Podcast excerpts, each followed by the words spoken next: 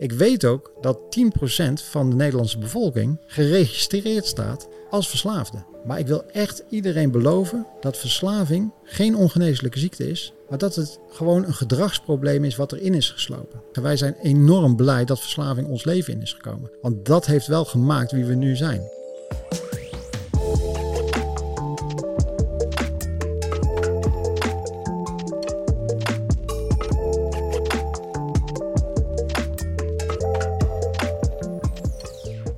Fijn dat je weer luistert of kijkt naar uh, aflevering 13 alweer van Barberio Podcast.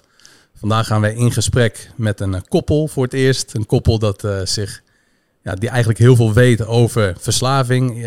dat is een onderwerp waar veel taboe op rust. En wat ik de komende tijd wil gaan doen is wat taboes doorbreken, dingen bespreekbaar maken. dat is in dit onderwerp ook heel, heel belangrijk. Vandaag heb ik de gast Robert Drosterij en Wendy Endhoven van Verslavingspraat. Zij hebben ook een eigen podcast, dus zij weten er het nodige van en vertellen er het ook, uh, ook het nodige over. En um, het belangrijkste van deze podcast vandaag is om jullie mee te nemen als kijker en luisteraar um, ja, op een reis naar um, ja, ja, jullie ervaring met verslaving uh, als ex-verslaafde, maar ook als coach. Zeker. En jullie ja. hebben daar ook een andere mening over. Anders dan de reguliere verslavingszorg, zeker. Ja. ja, en dat vind ik heel interessant. En wat ik eigenlijk, uh, ja, waar ik eigenlijk mee wil beginnen. Um, Robert, laat ik bij jou beginnen. Ja. Hoe, uh, ja, hoe hebben jullie uh, dit bedrijf opgezet? Of wat is eigenlijk de reden dat jullie dit bedrijf hebben opgezet? Nou, het is een lang verhaal. Dus kap me maar af op het moment dat je denkt van dit kost me de hele podcast. Ja. Maar het, het, gaat erom dat ik verslaafd ben geweest, durf ik nu te zeggen. En mm -hmm. ik heb uh, jarenlang heb ik aan middelen gezeten en dat zal ik zo wel vertellen hoe dat zat. Maar uiteindelijk uh, was ik volledig de controle kwijt over mijn leven en raakte ik steeds verder van mezelf afgedreven. En dat maakte dat ik op een gegeven moment hulp ben gaan halen. En dat maakte weer dat ik loskwam van mijn middelen. Uh, maar uiteindelijk wel me moest houden aan allerlei regels die daarbij hoorden om er los van te kunnen blijven. En dat maakte weer dat ik uh, dacht van ja, maar dit is nog steeds niet vrij leven. En ondertussen, uh, toen ik terugkwam van die hulp, uh, zijn wij allebei een bedrijf begonnen waarin wij verslaafden gingen helpen. Maar ook de naasten van verslaafden gingen helpen. En op een gegeven moment voelde ik dus me helemaal niet zo vrij als dat ik hoopte te zijn nadat ik gestopt was met de middelen. En ik dacht, dit kan op een andere manier. Dit moet op een andere manier. Want uh, ik heb nu echt het gevoel dat ik van de gevangenis van middelengebruik naar de gevangenis van niet-middelengebruik ben gegaan. Terwijl ik eigenlijk daar de vrijheid wilde.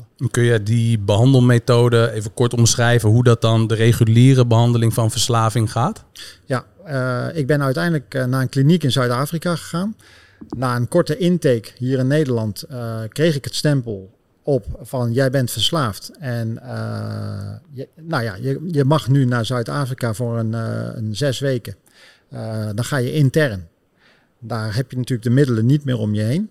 En vervolgens krijg je allerlei tools aangereikt hoe jij de rest van je leven moet gaan leven om ervoor te zorgen dat je niet meer terugvalt. Dat was echt de insteek ik had die hulp gehaald met de bedoeling van, uh, joh, ik drink te veel. En uh, daardoor ben ik eigenlijk heel lastig voor Wendy bijvoorbeeld. Mm -hmm. uh, dus ik wil gaan leren normaal te drinken.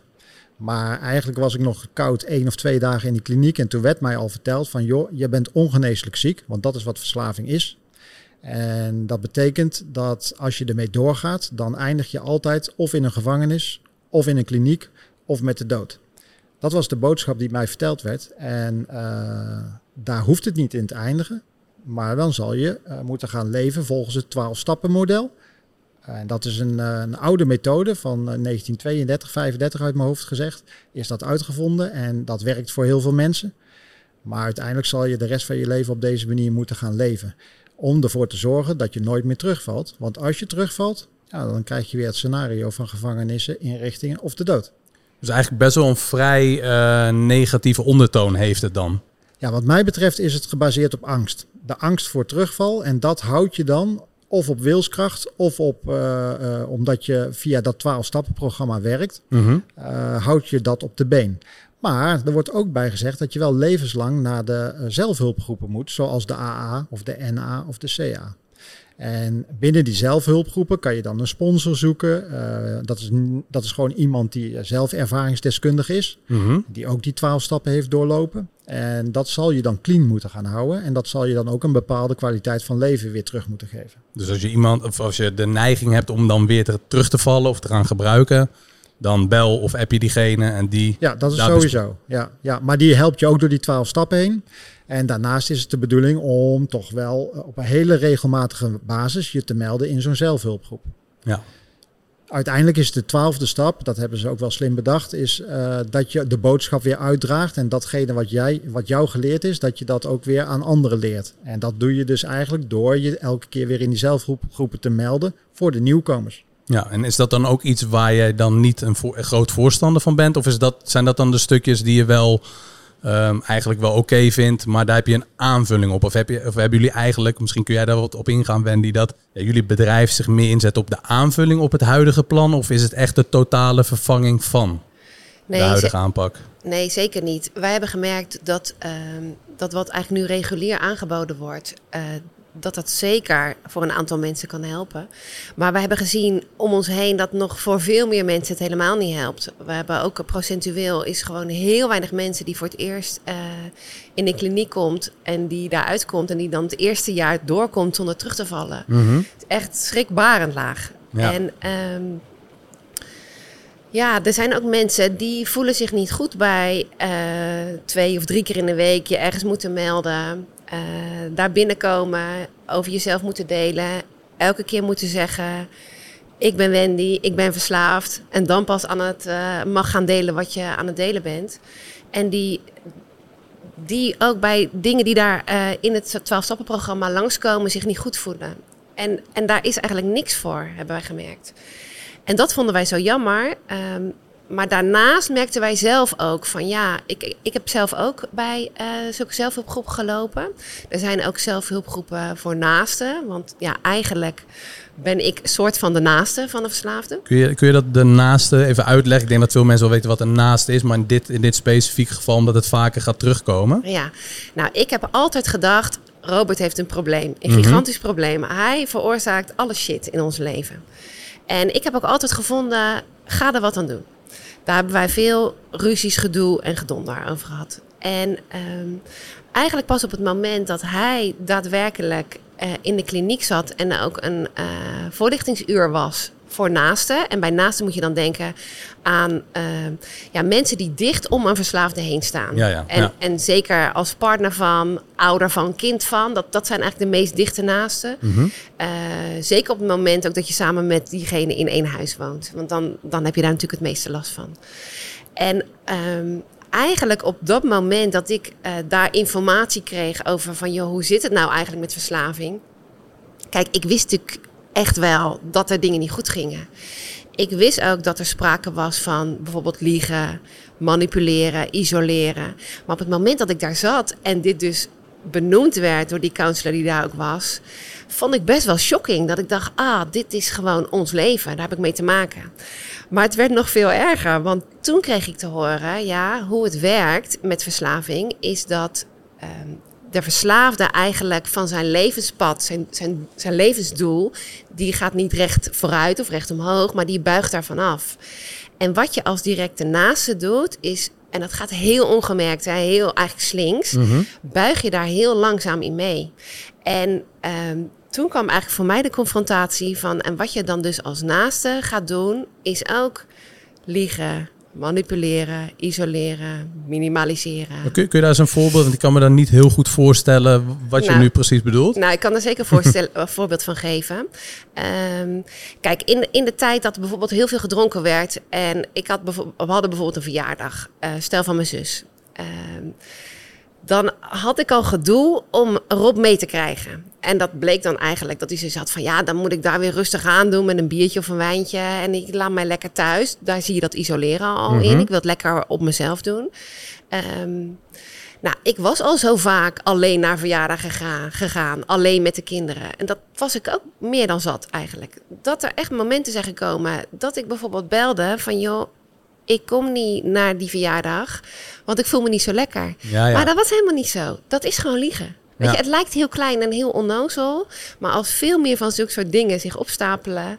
Ja, daaruit merkte ik ook gewoon, het is gewoon niet oké. En wat is daar het gevaar van om dat dan te doen? Om niet naar een verjaardag te gaan en te zeggen, nou ja, wij komen toch niet. Wat, wat, waar leidt dat toe? Nou ja, uiteindelijk eh, raak je gewoon uit verbinding met van alles. Eh, kijk, sowieso als je te maken hebt met verslaving, eh, raak je heel erg uit verbinding met jezelf, met je omgeving, Mhm. met, met wat jouw levensdoel eigenlijk is.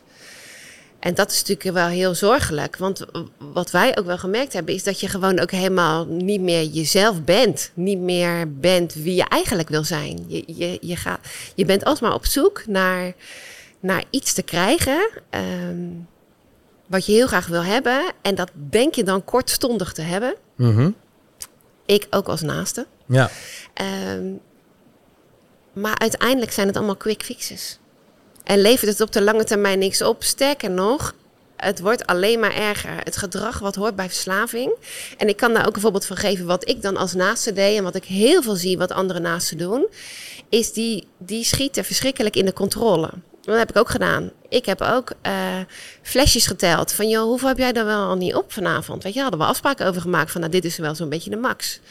Eh, ik keek op de klok van, joh, hoe, ben, je nou nog niet thuis? Eh, als hij met een vriend op pad was. Ik wist ook dat hij ook veel in het casino kwam. Ehm, ja, ook checken de bankrekening. Mhm. nou, en je hoort al dat in dat wat ik allemaal zeg, daar, daar ontstaat iets obsessiefs in. Obsessief in de controle schieten, dat is verslavingsgedrag. ja, ja. En hieraan zie, geef ik al een voorbeeld van hoe dat dus werkt. Verslaafden wordt heel vaak gezien, oh, dat zijn mensen die drank en drugs, weet je, dat snapt iedereen. ja. Eh, heel snel is er een beeld van, ja, maar verslaafde, dat is toch iemand met een spuit in zijn arm onder de brug. Nou, dat is helaas niet zo. Dat zijn ook gewoon mensen die ook gewoon nog normaal functioneren. Was bij Rob ook. Hij had gewoon nog zijn baan. Hij, eh, wij waren nog samen. Ja, eerder huwelijk was er wel al aangegaan. Maar Mhm. eh, heel Door veel verslaving? uiteindelijk. Mede, mede door Mede, ja. Uiteindelijk was wel de verslaving de, de, de druppel die de emmer deed overlopen. Mhm. Ja. Ja. Ja, en, en daarin ehm, eh, kwam ik er dus ook later achter op het moment dat ik dus bij die voorlichting zat. ehm, van ja, jij als naaste hebt eigenlijk twee dingen te doen. En dat waren twee dingen die ik helemaal niet deed. Eh, de eerste was, ga je grenzen aangeven. Nou, dat deed ik dus niet, want ik boog langzaam mee. Dus met het gedrag wat erop liet zien. En de tweede was, ga voor jezelf zorgen. En dat deed ik ook voor geen meter. Want ik was vooral voor anderen aan het zorgen. Voor hem aan het zorgen. Eh, overleven was het eigenlijk eh, geworden. Ja. En ehm, ja, pas veel later kwam ik erachter. Ik kan niet alleen maar hem de schuld geven van alles wat er gebeurt in ons leven. Ik draag daar zelf mijn steentje aan bij. Ook de manier waarop ik bijvoorbeeld communiceerde was ook heel ongezond. Ehm, maar ook kwam ik erachter dat dus. eh, kijk, ik ben ook eerder, dat was eigenlijk nog in het jaar voordat hij naar de kliniek ging, ben ik burn-out uitgevallen. En ehm, ik heb een jaar lang helemaal niet gewerkt. Ik, ik, kon niet zoveel. Ik merkte ook echt van, ik heb iets te doen aan hoe ik in het leven sta en hoe ik naar dingen kijk. En toen kwam ik al achter van, nou, ik heb een behoorlijke half lege inslag. Weet je, een glas is half leeg bij mij altijd in plaats van half vol. Dus ik kon ook enorm zeuren en zaniken over alles wat er allemaal misging in mijn leven. Heel erg in de slachtofferrol duiken. En ehm, ja, ik had ook echt zoiets toen hij de kliniek inging. Enerzijds was ik hartstikke blij, want denk, ja, zij gaat het aanpakken. Maar eigenlijk veel later werd ik ook heel erg boos om wat er allemaal gebeurde. Ik zat uiteindelijk alleen met onze jongste zoon, die wij samen hebben gekregen. Alleen met Sint en kerst en oud en nieuw. En dan mocht hij een belletje plegen vanuit de kliniek. Dat mocht niet zoveel. En dan kreeg ik het weer over me heen, wat ik allemaal al wel niet verkeerd had gedaan. Maar ja, ik had vlak daarvoor die bijeenkomst gehad en ik had gehoord, ga voor jezelf zorgen, ga grenzen aangeven. Ja. Dus ik had zoiets van, weet je, uh, sodemiet erop met hoe jij nu met me omgaat. Ik heb geen zin meer in jou. Dat was vlak voor kerst. Dat is een paar jaar geleden nu gebeurd. En ik heb ook gezegd van, ik hoef jou niet meer te horen uh, dit jaar. In het nieuwe jaar hoor ik je wel weer. En ik heb hem zelfs geblokkeerd op WhatsApp. En dat, dat was heel heftig, want ik was altijd met hem bezig. Met ook het goed willen doen voor hem. En denkend dat ik het daarmee goed deed voor mezelf. Wat natuurlijk helemaal niet zo was. Uiteindelijk was dat niet zo'n fris moment erop dat ik dat deed.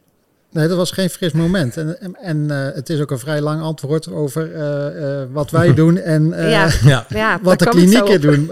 Eh, ik snap wel wat jij zegt, maar ik wil wel even terugpakken op wat wij doen in vergelijking met wat klinieken doen. Mhm. Ik vind dat eh, we elkaar aanvullen als je het Oeh. kijkt vanuit het perspectief van eh, de verslaafde en de naaste. Want die, hè, wij vinden dat de verslaafde en de naaste, dat heb je net wel keurig uitgelegd, die doen feitelijk hetzelfde.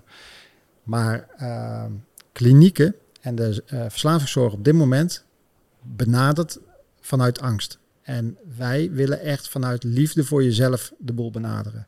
Daarnaast gaat de kliniek ervan uit dat het een ongeneeslijke ziekte is. En wij gaan ervan uit dat het een gedragsprobleem is. En gedrag kan je leren, kan je aanpassen. En dat vind ik een essentieel verschil. Als ik eh, een bedrijf zoals wij dat hebben, toen ik hulp zocht, als dat er was geweest, had ik daarvoor gekozen. En nu heb ik moeten kiezen voor de reguliere verslavingszorg. En die hebben mij eh, wel degelijk geholpen, een heel eind op weg geholpen. Mhm. Alleen, het was voor mij niet ver genoeg. En ik heb uiteindelijk, eh, liep ik tegen een plafond aan in mijn groei. En dat heb ik in onze nieuwe vorm weer kunnen vinden. Waardoor ik eigenlijk door dat plafond heb door kunnen breken. Dus ik, ik wil eigenlijk zeggen, wij, wij versterken elkaar.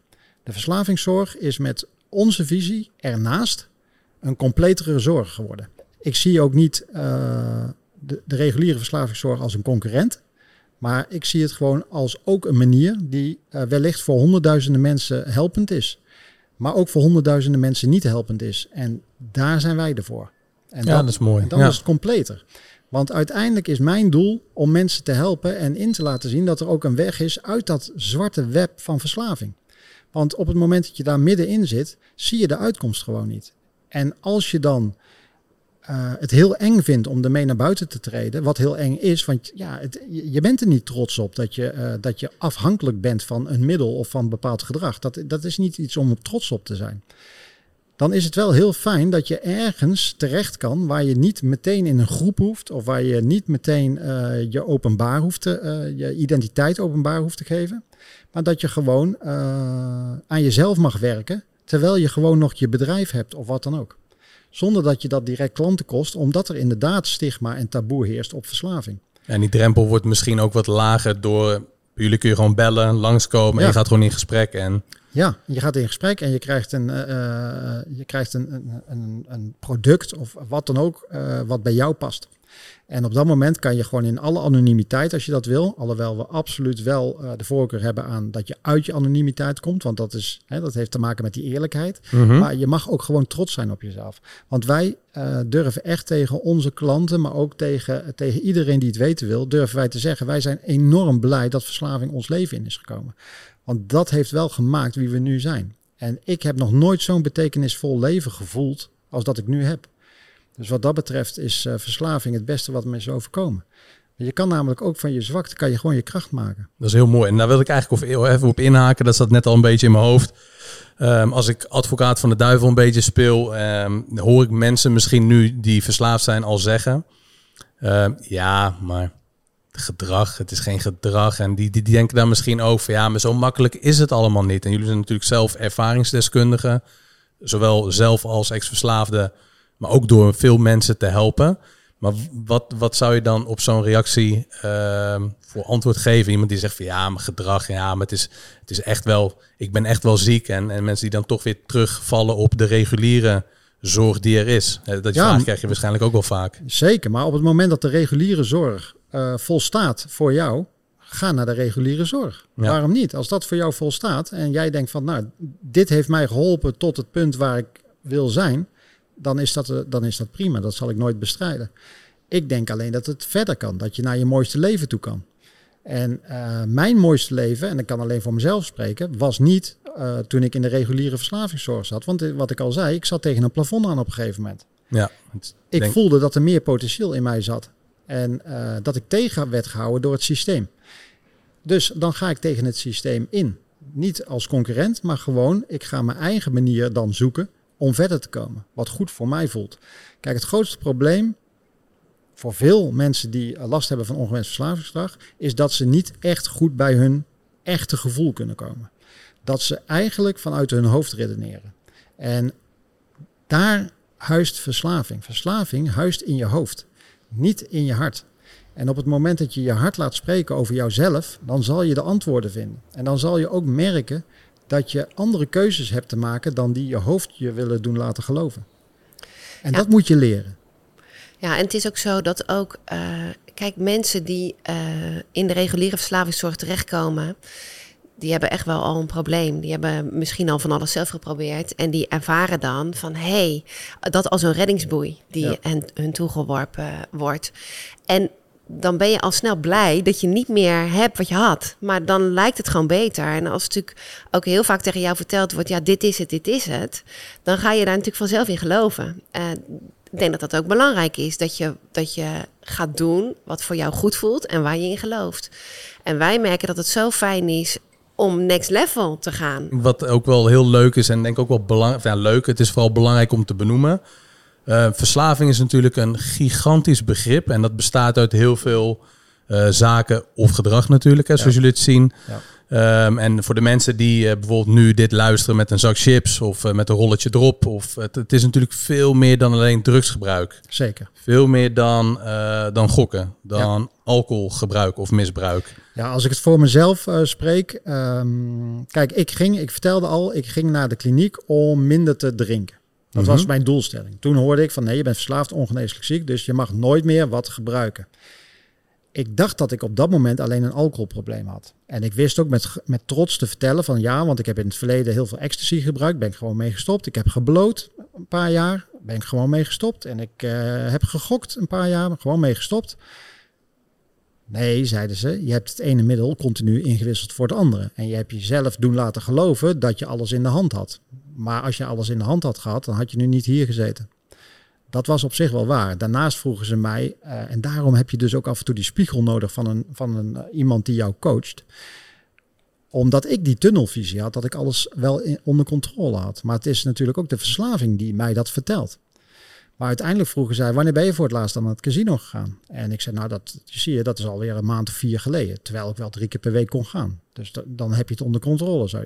Ja, ja, ja. En, maar, maar dat was gewoon recreatief, zei ik. Maar hoeveel heb je dan vergokt? Ik zei, nou, gewoon 2000 euro of zo. Nou, zei die counselor, dat is niet recreatief meer hoor. Dat verdien ik nog niet eens per maand. En toen begon er wel een lampje bij mij te branden. Van, moet je eens kijken hoe mijn mind ondertussen mij voor de gek aan het houden is. Waar ik ook werkelijk in ben gaan geloven. Nou ja, uiteindelijk, dit is wel vals, maar uiteindelijk heeft de kliniek mij ook weer iets te laten geloven. Namelijk dat ik ongeneeslijk ziek ben. Op basis van wat? Op basis van een, een gesprek van een half uur.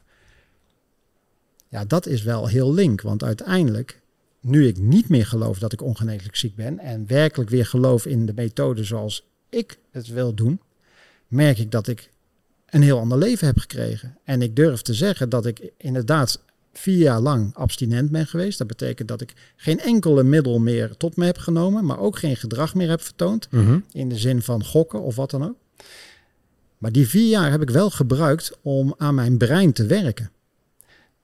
Ik heb mijn gevoel doen laten spreken hoe mijn brein eh, nieuwe verbindingen moest aan gaan leggen. Want zodra ik in mijn oude gedachten en in mijn oude overtuigingen verviel, dat waren ook voor mij de triggers om weer naar mijn oude middelen te grijpen. Maar op het moment dat ik nieuwe verbindingen weet aan te leggen bij situaties die mij overkomen en daar anders op reageer dan gebruikelijk is, ja, dan kan ik weer gezonde keuzes maken. En van daaruit ook om mijn eigen, eh, nou ja, eh, wa- wat ik nu allemaal vertel, te toetsen, heb ik best iets heel spannends gedaan. En dat is dus wat me te strengste verboden werd. En hoe ik ook vier jaar lang geleefd had, heb ik gewoon weer een, eh, een wijn genomen. Wat absoluut niet kon, want dat zou terugval betekenen. En dan mocht ik ook niet meer verder tellen met mijn mijlpalen en noem het maar op. Toch gedaan, onder begeleiding van Wendy. nee, maar het is wel belangrijk om open kaart te spelen en dit eh, te delen met je naasten. En eh, nou ja, dat was afgelopen november. En ik, ik voel me gewoon prima. Prima. En ik ben ook eh, helemaal niet teruggevallen in die zin, omdat ik werkelijk nieuwe verbindingen heb aangelegd en werkelijk op een gezonde manier kan nadenken en kan voelen. Ja. En dat maakt dat ik nu eh, mezelf niet meer als verslaafd eh, zie. Ik zie mezelf gewoon, eh, als ik al ziek was, als genezen. Maar ik, ik noem het geen ziekte. Ik heb gewoon nieuw gedrag aangeleerd. Verslaving is heel destructief, zowel voor jezelf als voor je omgeving. Maar zodra de verslaving de baas bent, dan kan je weer gezond gedrag laten zien. Zowel voor jezelf als voor je omgeving. En daarmee is, is alles weer mogelijk in het leven. En wat, wat is een verslaving precies? Kun je dat misschien toelichten? Wat, wanneer spreek je van een verslaving? Wat is het precies?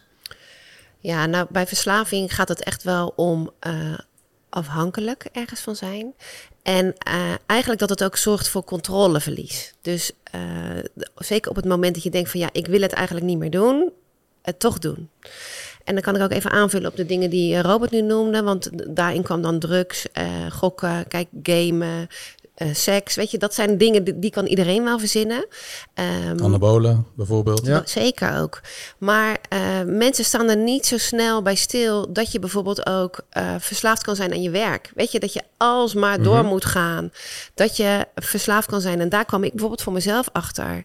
Aan dingen perfect willen doen. Perfectionisme is echt verslavingsgedrag alsmaar op een bepaalde manier uh, erkenning proberen te krijgen. Weet je, goedkeuring van anderen proberen te krijgen, heb ik ook zelf heel erg ervaren. Het lag ook aan de basis van je burn-out. Absoluut. En daaraan zie je al van je, je weet dat het niet goed voor je is, je gaat er toch mee door.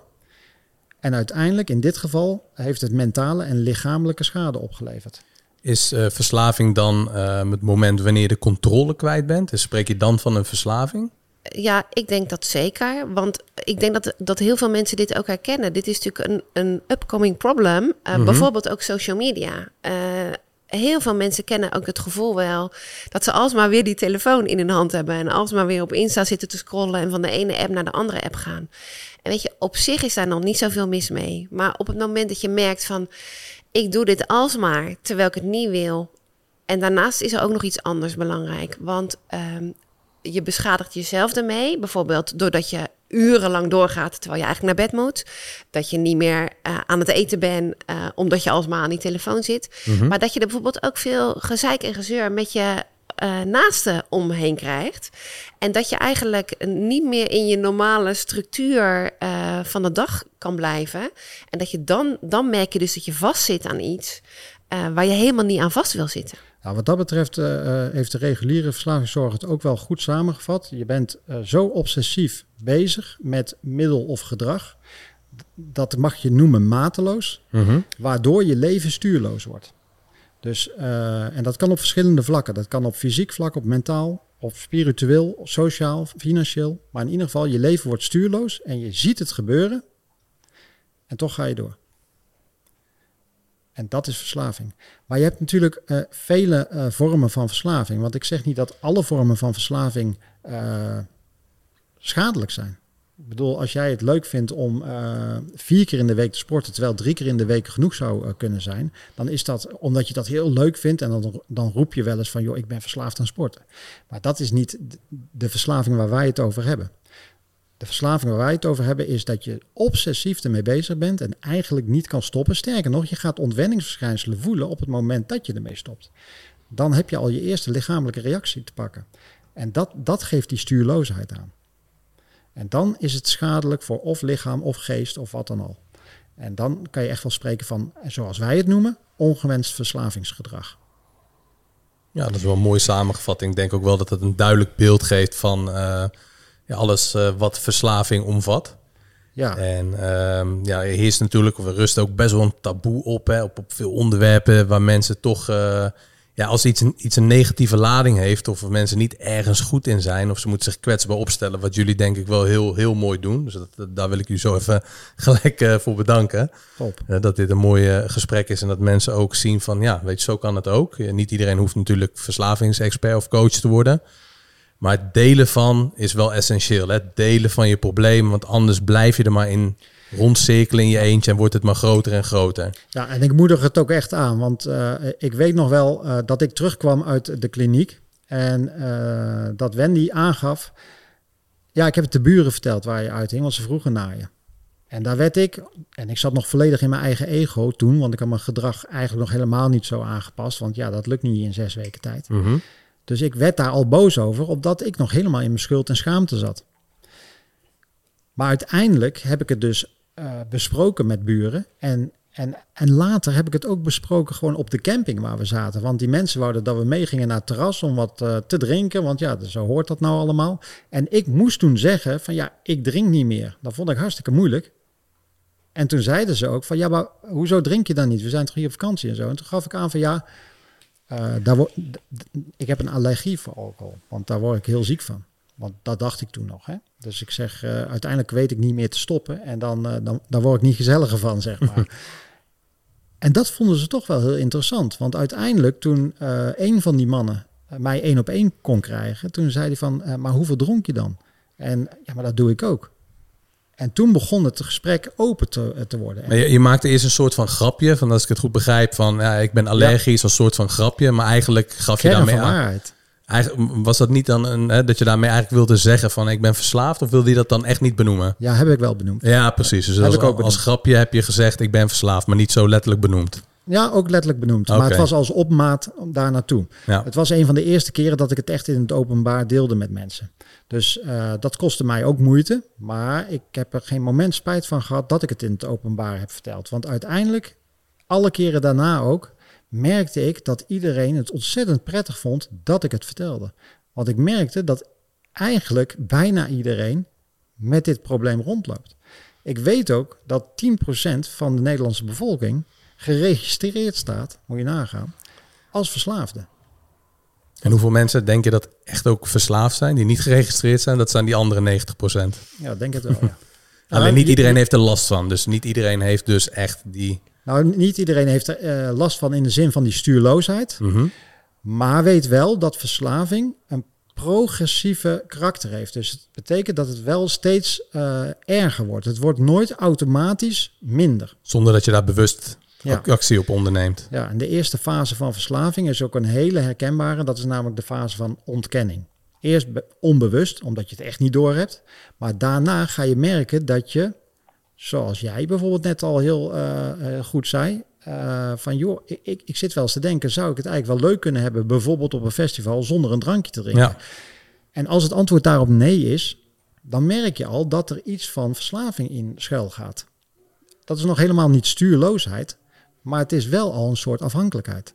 Ja. En dan is het maar net de vraag van welke kant gaat het zich op ontwikkelen. En zodra het de kant op ontwikkelt van verslaving, dan zal jij ook, net zoals ik dat heb gedaan, in eerste instantie het relativeren, minimaliseren, Mhm. klein maken en eh, wegduwen. Al helemaal op het moment dat je op het festival staat. Ja. ja, dat is wel mooi. Ik wilde u even toelichten. We hebben natuurlijk voor, voordat de podcast begon ook al even gepraat. En daarbij gaf ik aan, ik ben nu 35, toen vanaf begin 20 ehm, ik wel bewust was van het feit dat ja, feestjes of een festival eh, ja, zonder alcohol vond ik dat nooit zo leuk. En dus daar ben ik al best wel lang mee bezig om dat dan eh, ja, voor mezelf te relativeren. Van ja, ga ik er dan naartoe of ja, eh, ga ik naar een festival en drink ik en is dat dan oké? Ja, Dus ik had er nog niet echt een mening over, maar ik vond het wel op een gegeven moment ja, toch wel problematisch worden. Dat ik dacht, van, ja, ik wil wel controle hebben. Dat, dat, dat, willen we natuurlijk allemaal in het leven. Controle over situaties en in ieder geval over ons eigen leven. Ja. En als je met gezondheid bezig bent, dan is alcohol natuurlijk niet iets wat daar heel goed bij past. Of in ieder geval als je wekelijks naar een feestje gaat, om dan dat ik eigenlijk mezelf eh, ja, niet meer kon herinneren wanneer ik voor het laatst een weekend niet had gedronken. En, en dan nog is dat iets waar heel veel mensen denken van ja, ja dat heb ik ook. ja. En dat is prima, wat voor iedereen werkt. Maar op een gegeven moment had ik wel zoiets van, ik wil wel toch daar meer controle over hebben. Ik wil eens gewoon dat ik kan zeggen van, nou, ik ga naar een feestje of een verjaardag, dat drink ik niet. Die controle wil ik wel terugkrijgen, maar die controle had ik dus niet. Nee. En eh, het stukje met gokken, daar, daar herken ik mezelf ook in. Als je dan naar het casino gaat, het weekend, gezellig. eh, je stapt daar de deur binnen. Nou, de kleuren die, eh, die prikkelen natuurlijk enorm, enorm, net zoals een zak chips. Ja. Dat, zijn al, dat is natuurlijk allemaal zo ingericht dat je daar meer van gaat gebruiken. En dat het een prettige omgeving is. Een prettige smaak eh, van chips. ja. En ehm, dat je dan op een gegeven moment, ja, leuk. En dan win je de euforie. En, eh, ja, natuurlijk zeggen de mensen die in het casino ook werken, ja, je kan hier niet winnen. En dat, dat, dat was voor mij nog steeds geen, geen boodschap om daar niet heen te gaan. En dan vervolgens eh, ja, win je geld, en, bedragen die je net noemde. En vervolgens de dinsdag erop ga je in je eentje daar naartoe om dat dan weer netjes terug te brengen. ja, exact. En, En, meer. dat, en, en dat, dat wil je niet dat mensen dat weten. Dus een beetje dat, dat verhaal ook weer met beleggen of, of met bitcoin, dat mensen benoemen hun succes, successen. En dat is wel cool om te bespreken. Maar ze zeggen dan niet van ja, ik ben eigenlijk toch stiekem op dinsdag teruggereden en eh, ik heb het geld weer netjes uh, terug ingeleverd. Nee. En dat is dan toch ook een stukje schaamte waar, waar ik nu misschien echt voor het eerst dan wel zo openbaar over praat. En Ja. Dat jullie dat ook doen. Maar ik hoop dat meer mensen daar dan gebruik van gaan maken om met fijne mensen daarover in gesprek te gaan. Eh, dat, dat je je daar helemaal niet voor hoeft te schamen. Dat, het, dat, ja, wat je zegt, iedereen heeft wel last van verslaving. Niet iedereen heeft dan last van de gevolgen. Klopt. Eh, maar het is wel fijn als je de controle kan eh, terugpakken over je leven. Nou, waar het volgens mij uiteindelijk om gaat, is dat. ehm, kijk, dit, dit is een soort sluipend iets, hè, wat je, wat je leven insluipt. Op een gegeven moment weet je echt wel deep down inside, weet je wel, het is niet, hem, het is niet oké. En vooral merk je het aan, aan je omgeving, aan hoe die erop reageren. En wat ik wel echt gemerkt heb, is dat, ehm, dat het echt problematisch is als je dus in allerlei gedrag of middelen eh verzandt, zoals bijvoorbeeld ook die zak chips of die reep chocola. Als je er ook eigenlijk achter komt, maar daar kom je vaak niet zelf achter, daar heb je weer iemand anders voor nodig, dat je dan aan het doen bent omdat je bepaalde pijn niet wil voelen die je hebt.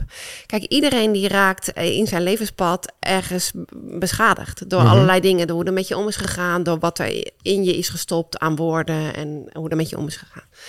En eh, iedereen reageert daar op een andere manier op. En ook dat kan maken dat je gewoon bepaalde pijn ervaart. En ja, op het moment dat je dan een biertje neemt of die zak chips en je kan niet stoppen, je gaat door tot de bodem, dan hoef je even niet bij bijvoorbeeld je eenzaam voelen of ongelukkig voelen. En ja, dan lijkt dat dus een oplossing. En als je niet uitkijkt, ga je heel snel, de volgende dag bijvoorbeeld al, weer precies hetzelfde doen. Totdat je er ineens achter komt van ja, ik kan eigenlijk niet meer zonder. Ik heb dit gewoon nodig om me lekker te voelen. Maar uiteindelijk heb je alsmaar meer van van alles nodig om datzelfde lekkere gevoel te krijgen. Ja, dat is wel mooi. En is dat dan ook een soort van vervreemding van een slecht gevoel? Mogen we geen slecht gevoel? Want ik merk zelf ook, ja, weet je dat. Ja, het, moet, het moet altijd zonnig zijn. Het moet altijd, eh, eh, je moet altijd maar gelukkig zijn. Terwijl als je af en toe gewoon een rotdag hebt, Ja, maar het is dat ook prima. Nou ja, dat is natuurlijk prima, maar wij hebben niet geleerd, de meeste van ons, hoe daarmee om te gaan. Met, met negatieve gevoelens, met emoties die komen. Heel veel mensen kunnen dat niet goed kanaliseren of daarbij blijven. Kun, kun je dat iets, eh, iets meer toelichten? Wat, wat houdt dat dan in? Is dat dan vanuit huis uit? Dat je bijvoorbeeld, ik, ik gebruik dat voorbeeld ook wel eens, vind dat wel interessant. Als eh, kinderen vallen op de grond en je ziet eigenlijk dat ze moeten huilen. Dat er dan wordt gezegd van, wat, wat, goed, wat goed dat je niet huilt, wat knap. En dat daar dan eigenlijk volgens mij de basis wordt gelegd voor eh, ja, niet meer durven huilen. Of, of een keer gewoon lekker chagrijnig zijn. En dat een ouder dat gewoon lekker prima vindt. Is dat dan een beetje de basis voor de toekomst of gaat dat verder? Nou, dat is absoluut een basis. Kijk, eh, wat ik wel echt heb geleerd is dat vooral in je eerste zeven levensjaren, ehm, weet je, ja, dan sta je eigenlijk nog vrij en blij in het leven. En eigenlijk op de manier waarop er dan met je om wordt gegaan. ehm, daarin wordt van alles vastgezet ook in je lijf. En ja, als jij dus alsmaar hoort van, joh, kom op, even bijten, niet zo janken. Weet je, dat, Mhm. dat zijn dingen die kinderen hebben kunnen horen. Eh, dat ze dan op een gegeven moment denken van ja, ik mag niet huilen. Dat is iets wat ze geleerd hebben. En van daaruit is dus eigenlijk een overtuiging geboren. En die overtuigingen, die, die zijn eigenlijk zo lastig. Want zeker ook als je te maken hebt met verslavingen, we hebben allemaal bepaalde eh, overtuigingen. En overtuigingen zijn eigenlijk ook veel eh, herhaalde gedachten die je hebt. En gedachten als, ja, zo ben ik nou eenmaal. Of ja, ik heb dit nodig. Of dit doet toch iedereen? Uh, Mhm. Dat zijn van die dingen die mensen roepen als ze last hebben ja. van verslavingsgedrag. Het mooiste vind ik wel, van, eh, want dit zijn overtuigingen die vastgezet zijn in de eerste zeven jaar van je leven. Heel vaak gebeurt dat. Maar het gebeurt ook op latere leeftijd nog. Het heeft te maken met wat past je en wat past je niet. En ik denk dat het eh, op het moment dat je je eigen identiteit aan het opbouwen bent, met een enorm ego eroverheen, dan eh, dienen die overtuigingen jou. Want daar, naar aanleiding van die overtuigingen heb je jezelf gevormd. Maar op een gegeven moment loop je tegen iets aan dat het niet goed voelt. In de kern voelt het niet goed. En dat kan je uh, beschermen door te gebruiken. Door heel veel in de drank te gaan zitten of door uh, anabolen te gebruiken om, om, een bepaalde uh, positie binnen de sportschool te krijgen of noem het op. Maar het, Mhm. kan, het kan van alles zijn. En uiteindelijk va- valt het als een plumpudding in elkaar op het moment dat je mentaal het niet meer volhoudt. Omdat je te ver van jezelf af bent gedreven. Dus dat masker opzetten, dat, dat gaat een keer eh, gaat dat mis. De kans is groot. Maar wat belangrijker is, is het wat je wil. Want uiteindelijk is het voor mij heel belangrijk, en wat ik ook met al mijn eh, coaches doe, beschrijf eerst eens, als je geen mitsen en maren hebt, hoe zou jouw mooiste leven eruit zien? Als je even mag dromen, als je even mag nagaan denken over hoe zou je werkelijk willen als, als er echt geen mitsen en maren waren, hoe je leven eruit zou zien. Wat zou, hoe zou dat er dan uitzien? Dan zie je dat in 99 van de 100 gevallen het niet het leven is wat ze aan het leven zijn. En dat ze eigenlijk veel opener zouden willen zijn over huilen of over verdriet. Als je wat diep, diepgang gaat zoeken met dit soort mensen. En dat geldt voor ons allemaal. Het heeft, het heeft ook voor mij geholpen. Dat ik uiteindelijk niet het leven leefde wat ik eigenlijk zou willen leven. Maar door alle overtuigingen die in mij zijn gestopt, ben ik op een gegeven moment een bepaald leven, een bepaalde rol gaan spelen. Ja, het is ook een overlevingsmechanisme hè, om gewoon ook staande te blijven. in de maatschappij ook. Want Mhm. ja, daarin, je gaf het zelf ook al aan. eh, weet je, je komt op een festival en het is, het is eigenlijk heel raar als je dan niet ook eh, meedoet eh, met Klopt, wat. ja. En ik heb dat zelf ook ervaren. Ik ben dan zelf opgegroeid en ik heb helemaal niet roken, drinken, drugs. Ik het is ver van mijn bed. Dus dat Mhm. is best wel heel bijzonder dat wij dus elkaar zo getroffen hebben. En voor hem dat eigenlijk het tegenovergestelde was. Ja, en daar moet je maar. Ik, ik kon daar voor mezelf altijd vrij stellig in zijn. Maar goed, ik heb weer andere dingen die ik heel lastig vond. Dus eh, goed voor mezelf zorgen vond ik heel moeilijk. Ik was altijd maar bezig met het goed doen voor een ander. En dat, dat is maar net wat er dan op je pad komt. Wat je dan gaat doen om gewoon te overleven in de maatschappij waarin we zitten. En, en we leven nou eenmaal ook in een maatschappij waarin gewoon ook buitenkant eh, heel veel heel belangrijk is. En dat is wat wij ook wel merken in, eh, in ook de methode die wij ook gebruiken, is dat wij ook echt wel bezig zijn met inner work. Weet je, uiteindelijk weten we dat eh, alle antwoorden uiteindelijk zitten wel al in jou. Maar door alles wat je hebt meegemaakt en door, door, door pijn die je voelt, weet je, stop je dingen weg. Ik, Mhm. ik zeg het vaak wel, van je stopt iets in een doosje, ehm, dat dekseltje gaat een beetje open, nou snel weer dicht, nog een doosje omheen. En zo zitten er heel veel doosjes in doosjes. Ja. En die gaan wij ook eigenlijk ehm, ja, langzaam ook eens openzetten. En dat betekent niet dat we helemaal gaan teruggraven en dat alle ellende naar boven moet. Helemaal niet. Weet je, want sommige dingen zijn gewoon gebeurd en eh, mogen best benoemd worden of niet. Ehm, maar uiteindelijk gaat het erom, kan je weer terug naar jezelf? Kan je, kan je weer dicht bij je hart komen? Want dat, Ja. dat is, weet je, net als met dat ego, wat zo ook in je hoofd kan zitten. Ja, heeft niks met je hart te maken. Met, met wie je werkelijk wil zijn en wat je werkelijk wil doen. We leven veel te veel vanuit ons hoofd en vanuit eh, de sociale druk die, die plaatsvindt. Ik ben echt een wandelend hoofd geweest. Ja. Ik heb heel, daardoor heb ik een burn-out uiteindelijk gekregen. Ik was alleen maar bezig in mijn hoofd met zoeken naar oplossingen. Met ehm, me zorgen maken over wat er allemaal mis was gegaan in het verleden. En piekeren over hoe dat nou moest in de toekomst. En alsmaar daar zoeken naar een oplossing, maar die oplossing zat daar niet. Uiteindelijk heeft mijn lijf ook gezegd tot hier en niet verder. Hallo, ik ben er ook nog. Mhm. En toen moest ik wel. Ja. Toen ben ik ook echt aan de slag gegaan. Ook eh, met mediteren, met, met letterlijk in stilstaan. Weet je, ik was ook iemand die... Ik was alleen maar weg en onderweg. En gigantische haast om van alles te bereiken. Wat ik nooit bereikte. En ehm, ja, mijn lijf heeft me letterlijk stilgezet. Van joh, eh, ga het nou zelf maar doen. En toen moest ik het zelf gaan doen. En ja, uiteindelijk is dat het mooiste wat me is overkomen. Ondanks dat het he- mega verdrietig was hè, toen ik daarin zat. Want ik heb echt gejankt. Je wil niet weten hoe lang en hoe vaak en hoeveel. Ehm, maar het heeft wel gemaakt dat zeker mijn burn-out en daarna ook gewoon de openbaring van verslaving en daarmee aan de slag gaan. Dat ik gewoon eh, eigenlijk mezelf daardoor gedwongen heb om eens te kijken van joh, wie ben ik nou eigenlijk? En, en wie wil ik zijn? Ja, da- daar, daar zit het hem in. Want uiteindelijk hoor, hoor ik eh, ook jou zeggen van joh, ehm, ik, ik wil wel die controle weer terugpakken. Mhm. Maar ik heb de controle teruggepakt door hem los te laten. Oh, dat is wel mooi. Ja. Ja. En da- daar, zit, daar zit echt eh, de sleutel. op het moment dat je controle wil pakken, voor mijn gevoel, wil je dan ook iets beschermen. En uh, op het moment dat jij echt jezelf bent en jezelf accepteert zoals je bent en niet meer iemand wil zijn omdat de omgeving jou op die manier wil laten zijn, dan moet je controle pakken. Dat is wel mooi. Kun je, kun je dat in dit voorbeeld dan, uh, dat we even een voorbeeld voor schetsen? Bijvoorbeeld, ik uh, ga regelmatig naar het voetbal, hebben we net al even besproken. Ja. Daar wordt dan ook bij gedronken. En gisteren uh, ga ik dan met een vriend naar het voetbal. Hij drinkt nog wel. En dat is prima. Ja. Uh, vroeg ook aan mij, ja, vind je dat dan niet erg als ik ga drinken? Ik zei, nee, prima, doe je dingen. Ik heb daar geen last van of zo. Maar ik wilde dan gisteren gewoon even naar een voetbalwedstrijd zonder te drinken. Ja. Dus ik geef het even van tevoren aan. Ja. En, uh, maar dat voelt dan wel als ik dan de controle neem. Van, ik kan gewoon naar een voetbalwedstrijd zonder te drinken. Dat is verder geen probleem. Maar, um, en dan voel ik gewoon, ja, dat, dat past bij mij, wie, bij wie ik ben. Dus ik voel dan niet dat ik pak wel controle. Maar ik voel dan niet dat dat dan iets van een uh, controle loslaten is of zo.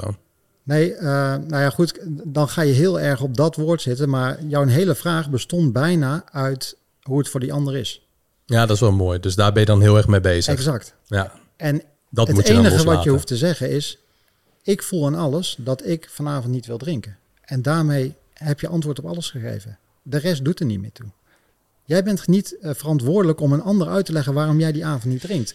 Alleen door jouw overtuigingen denk jij dat jij het moet uitleggen omdat anders de reactie misschien negatief kan zijn. eh, Of jij geen erkenning krijgt. Of dat je afgekeurd wordt in iets. Of wat dan ook wat de angst eronder kan zijn. Ja, het was, als ik daar even op ik ben daar wel bewust mee bezig gegaan. Dus meer ook dat ik um, voor de ander daar um, ja, niet per se zelf... Uh, maar dat hij zich daar een beetje op voor kan bereiden zelf. Dus ik was niet echt bezig met zijn mening, maar meer dat hij daarop voorbereid is voor zichzelf. Ja, maar dit, dit, wat jij nu zegt, dan ben je dus wel met de ander bezig. ja, dat is En mooi, dat, ja. dat is dus wat heel snel gebeurt. Kijk, zoals ik, uh, de ik was alleen maar met hem bezig. Mhm. Ik kan ook wel zeggen, ik was verslaafd aan een verslaafde.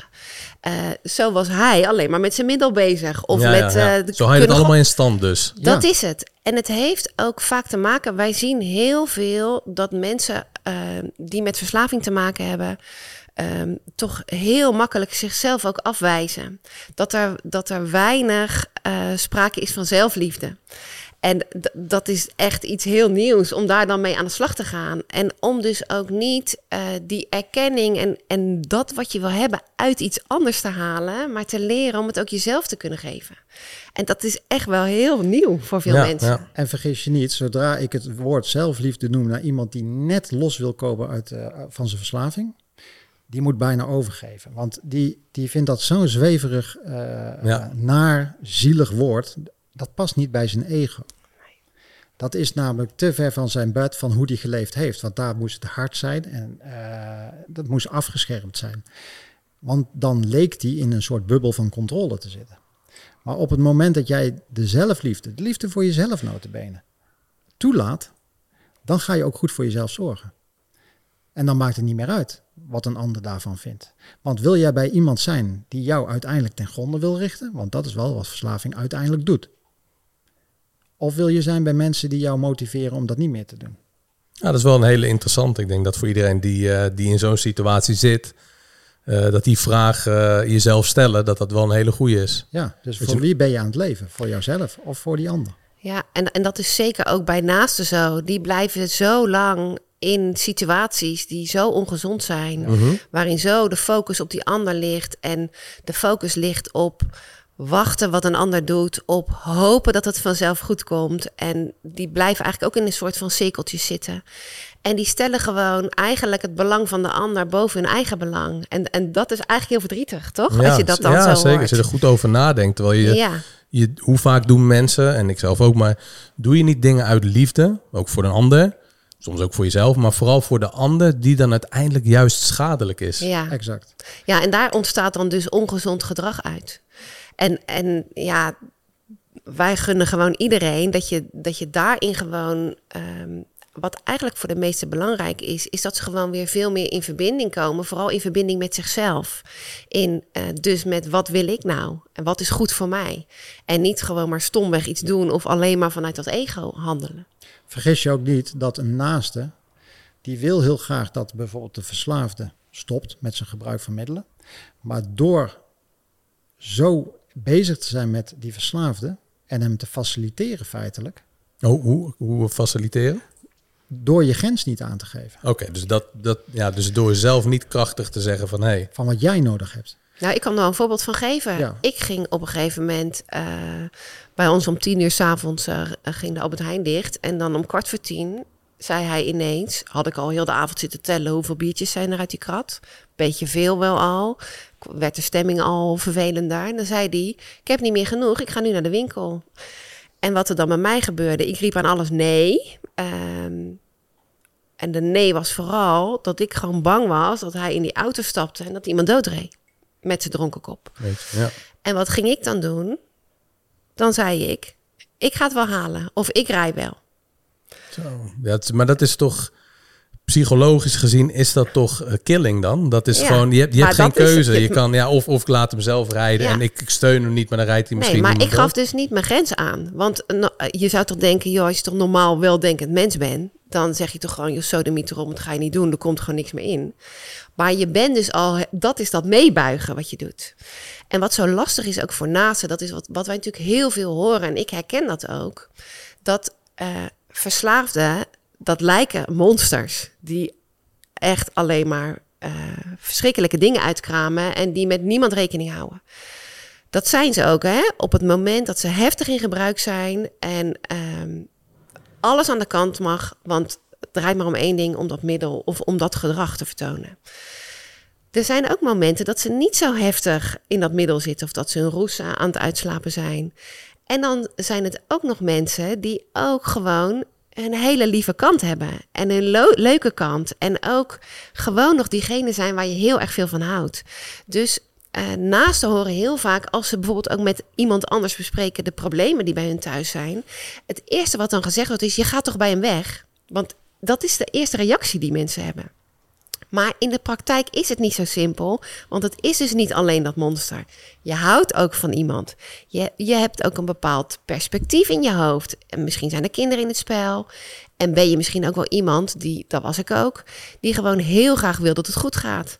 Ik had al een scheiding achter de rug. Ik had al een kind wat heen en weer moest tussen vader en moeder. Wij hebben samen een kind gekregen. En toen dacht ik, ja, dan ben ik voor de tweede keer mislukt eh, daarin. Ja. Dat, dat, dat wilde ik niet. Ik wilde zo graag het goed hebben met elkaar. En wij hebben dus ook al heel lang in die aanloop nadat hij hulp ging halen. Ja, wij hebben oeverloos al gepraat met elkaar, maar ook oeverloos ruzie gemaakt. Ik heb ook eh, gegild als een speenvarken. Ik heb me ook naar boven laten sturen.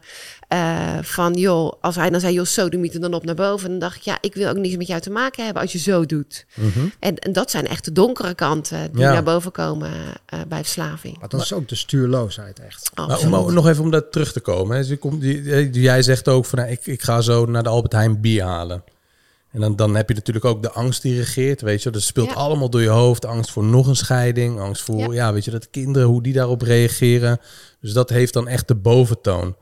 Maar wat, wat doe je dan? Wat is dan de juiste keuze of de juiste methode om toe te passen? Wat zeg je dan? Want als jij tegen Rob zegt, ja, je gaat geen bier halen. En Rob zou zeggen, eh, dat ga ik wel doen. Ja, dat, dat kan natuurlijk ook leiden dan als iemand vooral al een paar beats op heeft. Ik kan me voorstellen dat dat voor jou dan ook nog angstiger wordt. Dat je op een gegeven moment zegt van nou, weet je... Ja, want je bent ook bang dat je ergens drie hoog achter terechtkomt als je een huis vindt, bijvoorbeeld. Gelijk bang voor de scheiding Ja, of ja. dat wat er gebeurt. Kijk, ik kan natuurlijk daar heus wel nu een tip voor geven van, joh, je moet je grens aangeven. Daar, daar zijn natuurlijk ook manieren voor, want gewoon je grens aangeven, dat is niet gewoon. Nee, dat moet je op een bepaalde manier doen. Ehm, en dit is dus ook iets wat mensen niet zelf kunnen verzinnen. Weet je, je zit gewoon in die situatie en je, je bent eigenlijk meegezogen in waar je in zit. En dit is nou precies wat er aan de hand is. Je hebt iemand anders nodig die jou een spiegel gaat voorhouden. Dus je kan dit niet zelf oplossen. Uiteindelijk, nou, dan ben je wel een knap als je dat voor elkaar krijgt. Ja, Wij zien om ons heen dat dat gewoon heel ingewikkeld is en dat je daar echt hulp voor nodig hebt. Maar ik zou wel de tip willen geven, eh, op het moment dat je in die situatie zit. Kijk, ga nooit het gesprek aan op het moment dat de ander onder invloed is. Hij is onbereikbaar of zij. Dus onbereikbaar en er komt ook geen zinnig gesprek uit. Wat je kan doen, en dat heb jij in het verleden ook wel eens gedaan. eh, ga uit de situatie. Ga naar een vriend of een vriendin. Maar neem ook echt even de tijd om eens na te gaan bij jezelf. Is dit het leven wat ik wil? En zo, nee, zo niet, beschrijf dan hoe het er wel uit moet komen te zien. En op het moment dat je terug naar huis gaat en de ander is onnuchterd of uh, niet onder invloed, probeer dan in ieder geval aan te geven wat je nodig hebt. Dat is wel de tip die ik wil geven. Alleen de kans dat de ander zich bedreigd voelt omdat hij ja, uh, aan de bak moet met zichzelf, waar hij helemaal geen zin in heeft, wat het kan zijn dat dat op dat moment de fase is waar hij in zit, ja, dan is het wel zaak om aan te geven van ja, maar dan kan ik niet verder. En helaas, je zal dan inderdaad dwars door je angst heen moeten van wat allemaal komen gaat. Maar ja, weet wel dat angst niks anders is dan negatief fantaseren over de toekomst. Dus het is er niet in het nu wat je aan het verzinnen bent. Dus je kan wel degelijk stappen gaan maken en, en dan het klein houden. Voor dit uur ga ik niet met je verder. Of ja, maar, voor deze vier uur ga ik niet met je verder. Dan hou je het klein en hou je het behapbaar. Maar dit zijn echt wel dingen die, die je ook moet leren. Die je ook van iemand moet horen, hoe je dat dan aanpakt. Want je zit gewoon in een bepaalde manier van, uh, van denken. Mhm. En uh, je zit ook in een bepaalde manier van ook niet bij je eigen gevoel zijn. Dus dat, dat zijn allemaal dingen waar je aandacht voor moet hebben. En als je gaat leren om dus meer bij jezelf te zijn en om, om ook eens te voelen van hoe is het nou voor mij? En, is, en krijg je dan de vraag, joh, is dit wat je wil? Dan, dan kan natuurlijk samen onderzocht worden van ja, maar wat wil je dan wel en hoe doe je dat dan?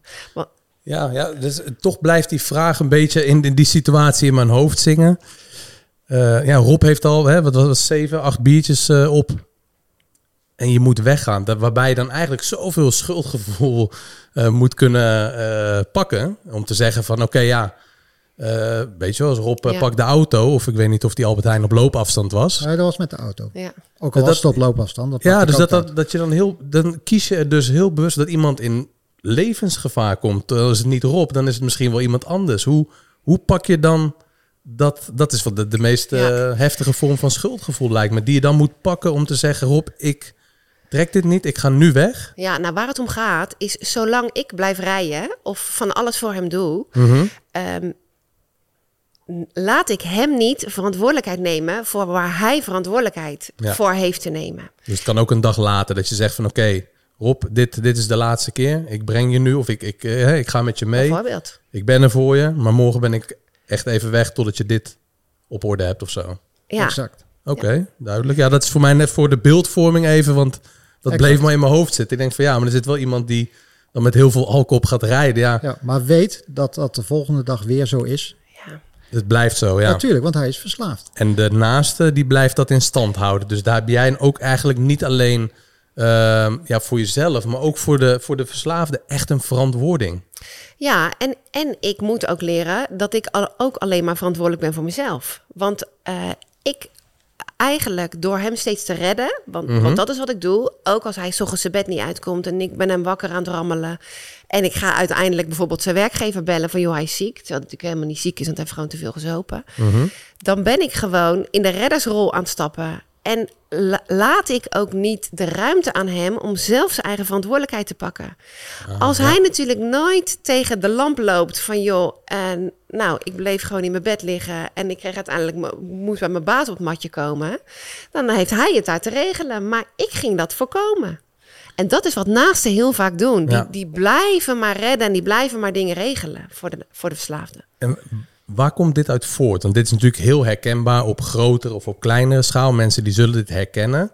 Is dat we elke keer maar voor elkaar de problemen willen oplossen. Wat de ander eigenlijk alleen maar zwakker maakt. Ja, nou dat heeft dus natuurlijk te maken met waar we het eerder over hadden in deze podcast. Met, met hoe je ge- geconditioneerd eh, bent geraakt. Dus, dus de dingen die je veel gehoord hebt, de verhalen die je jezelf bent gaan vertellen, Mhm. eh, die maken dat je dat gedrag laat zien. En angst. En angst, ja. En is het dan zo bijvoorbeeld dat... eh, moet hier altijd bijvoorbeeld, bijvoorbeeld trauma aan vooraf gegaan zijn? Hebben jullie erv- eh, eh, trauma-ervaring in je jeugd? Nou, ik, denk dat iedereen eh, in zijn leven in bepaalde mate traumatische ervaringen opdoet. En iedereen gaat daar natuurlijk op een andere manier mee om. Ehm, dus dat maakt wel uit in wat je dan ook geleerd hebt, hoe je met zulke soort zaken omgaat. Ehm, maar ja, of alleen maar trauma ten grondslag ligt aan verslaving, dat, Nee hoor, dat geloof ik helemaal niet. Want ik denk uiteindelijk, eh, het heeft wel altijd met een vorm van angst te maken. Het, het heeft altijd te maken met het compenseren van iets wat je niet wil. En uh, dat kan alleen al zijn dat je bijvoorbeeld het moeilijk vindt om op meisje af te stappen. En daar kan het al beginnen dat jij je eerst gaat indrinken.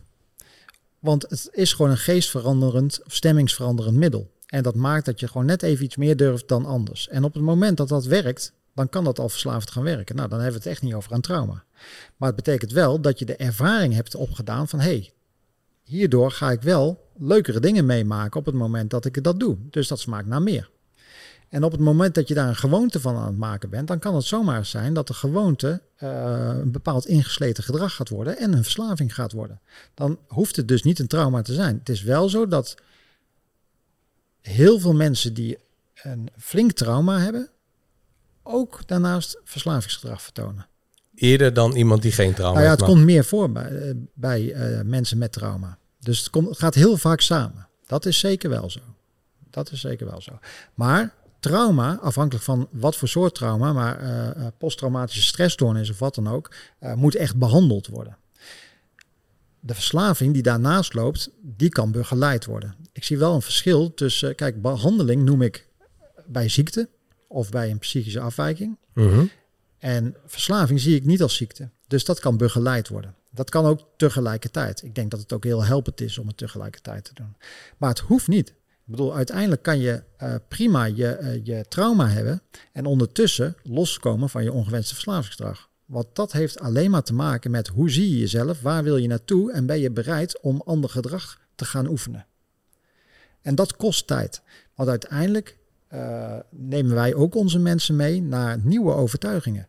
Want ik zeg altijd, de overtuigingen die je tot nu toe hebt geleefd, dienen die nog jouw nieuwe leven, jouw nieuwe doel? Of ondermijnen die dat? Op het moment dat het antwoord is van hé, hey, de overtuigingen die mij tot nu toe gediend hebben, die dienen mij niet meer, dan kan je ze loslaten.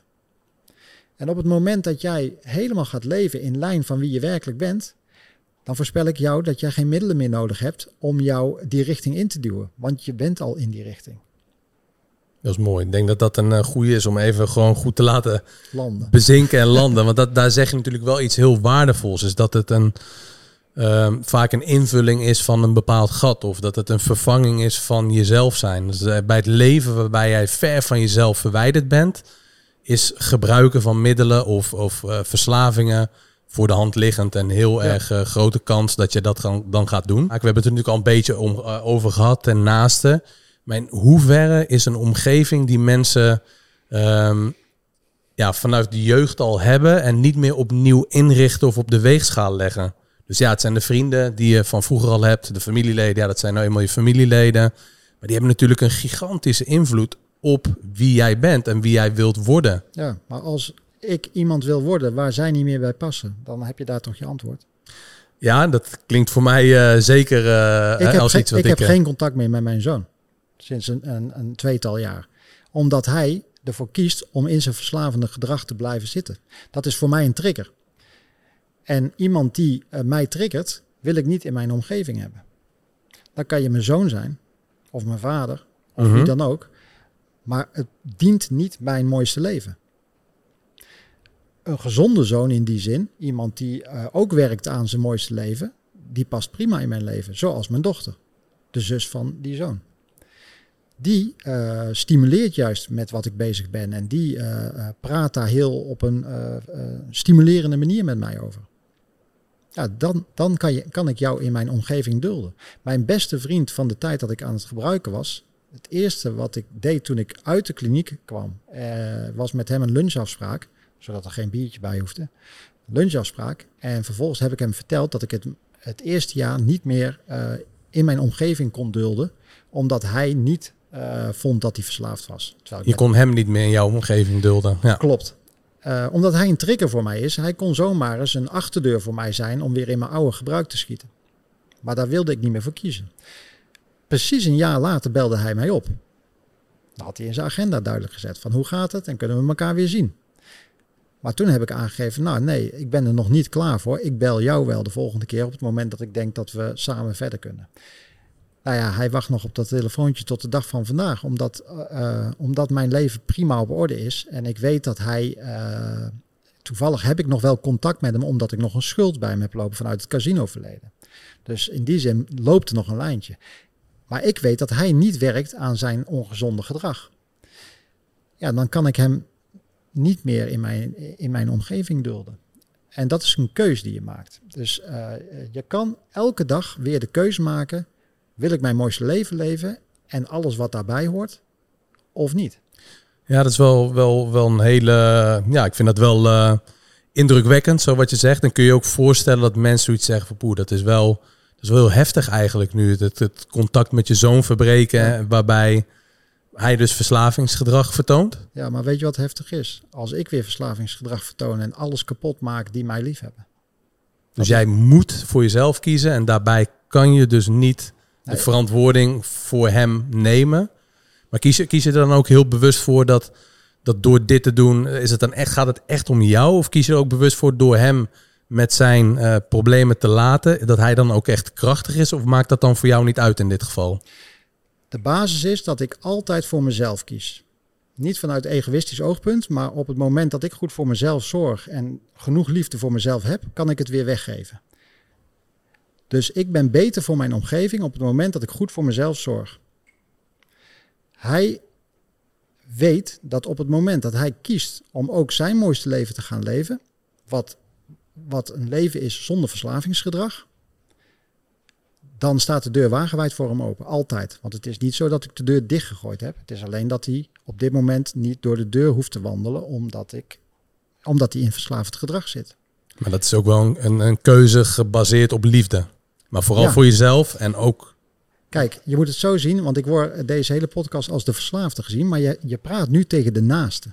Want ik ben de naaste van hem. Nu verander je dus van positie of van rol, ja. En ik faciliteer hem niet. Ik geef een grens aan. Is dat moeilijk? Ja, het is heel moeilijk. Want uiteindelijk is het mijn zoon.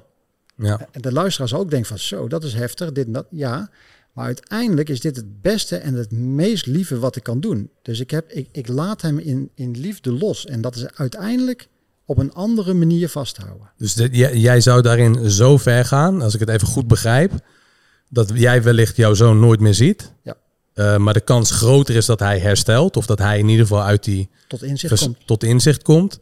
Dan dat jij kiest van hé, hey, maar ik kan die pijn niet verdragen. Ik wil hem weer zien. Maar dan, dan blijft hij waarschijnlijk verslaafd. En de kans dat jij verslaafd raakt is dus weer groter. En dat zij weer beschadigd wordt. En mijn andere zoon, waar ik ook verantwoording naar heb. Die wij samen hebben. Ja, ja. Dus kijk, ik wil niets te maken hebben met ongewenst verslavingsgedrag. Anders dan via mijn bedrijf Verslavingspraat. Want ik help iedereen die geholpen wil worden. Maar mensen die niet geholpen willen worden, of daar nog niet aan toe zijn, of nog in de ontkenning zitten, kan ik niet helpen. Ik kan ze maar op één manier helpen eh, door geen verbinding met ze aan te gaan. Want op het moment dat mensen door niemand meer gefaciliteerd worden, dat zal hun rock bottom worden, waardoor ze hulp gaan halen.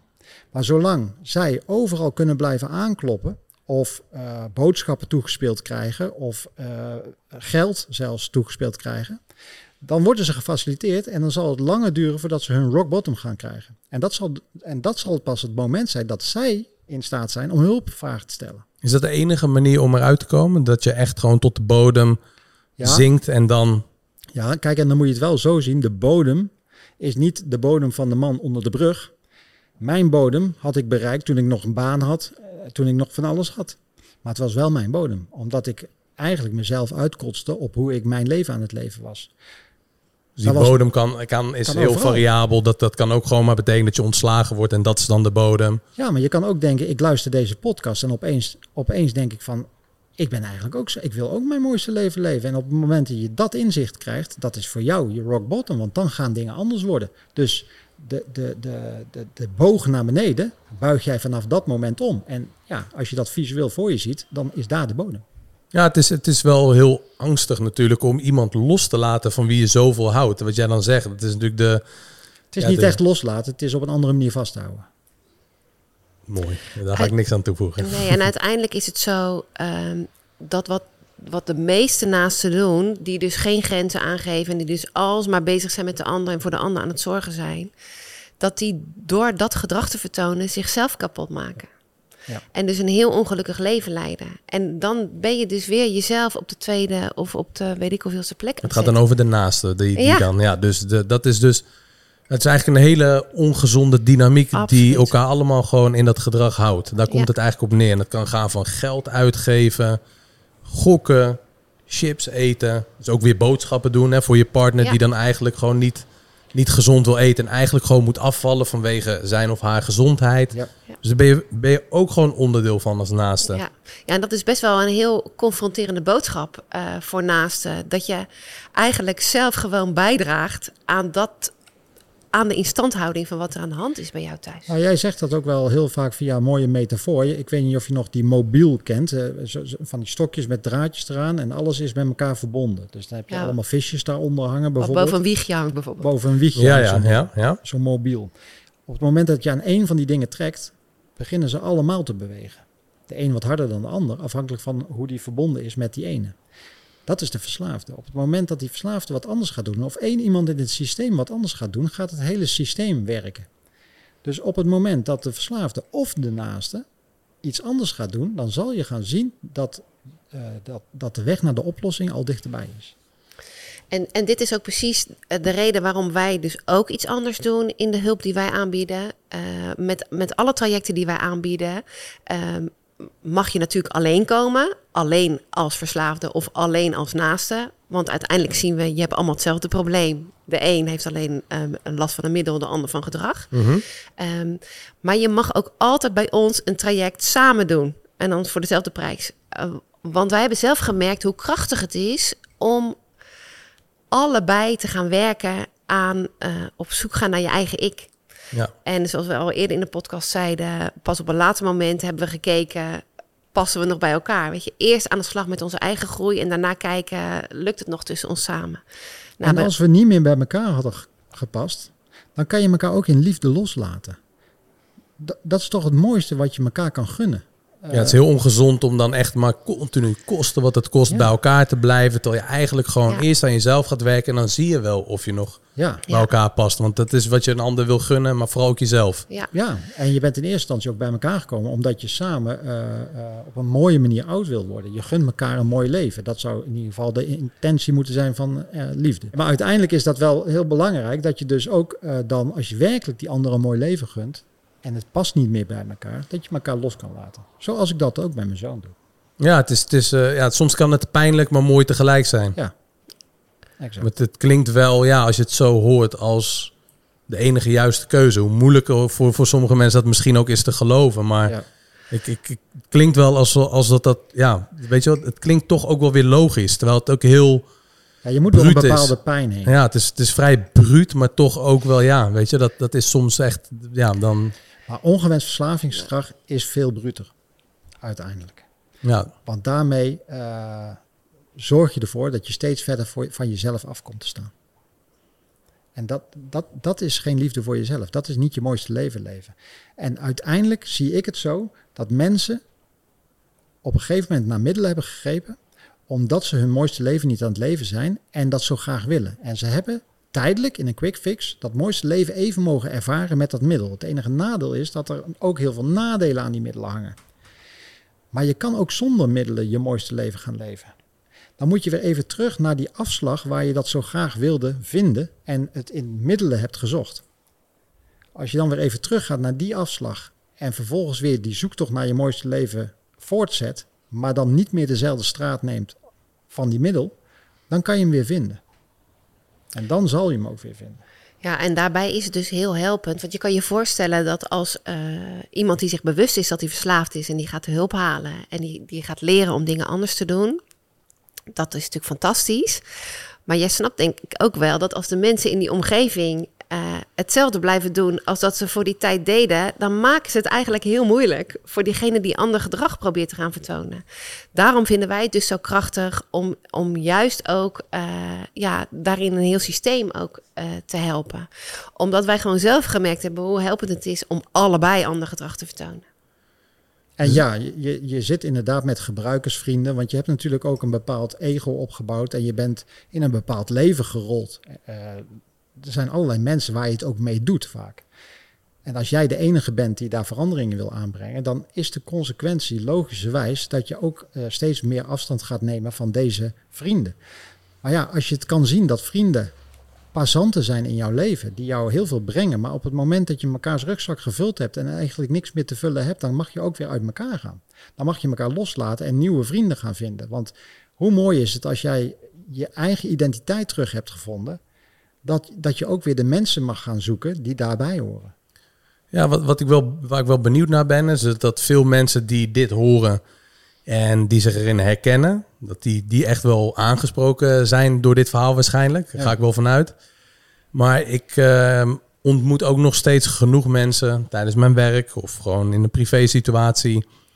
Ehm, die elk weekend drinken. En zeggen, ja, maar ik, ik ben wel gewoon tevreden zo. Ik ben, ik, ik ben blij met mijn leven. En ja, als ik niet meer kan drinken in het weekend, dan heb ik eigenlijk niks meer. En ik, zou niet, ik weet niet zo heel goed wat ik daar dan op moet zeggen. Want is, diegene zit nog niet in dat proces van... Ja, is, is dat dan echt wat jou gelukkig maakt? Hoe, hoe gaan jullie daarmee om? Dat je zegt van oké, hoe, hoe, ontdek je of iemand daar echt gelukkig van wordt? Want het is natuurlijk misschien ook voor de persoon of aan de persoon om dat te ontdekken. Maar ja, die zullen waarschijnlijk ook niet bij jullie komen, omdat zij dat dan niet uh, ontdekken. Maar misschien hebben jullie wel, als je dat dan hoort, heb je daarvoor een boodschap? Dat, dat is mijn vraag eigenlijk. Ja, daar heb ik geen boodschap voor. Want uiteindelijk, uh, je zegt het helemaal goed. Die mensen komen sowieso niet bij ons. Maar ik heb ze natuurlijk wel ook in mijn eigen kennis- en vriendenkring. Um, dat is aan hun.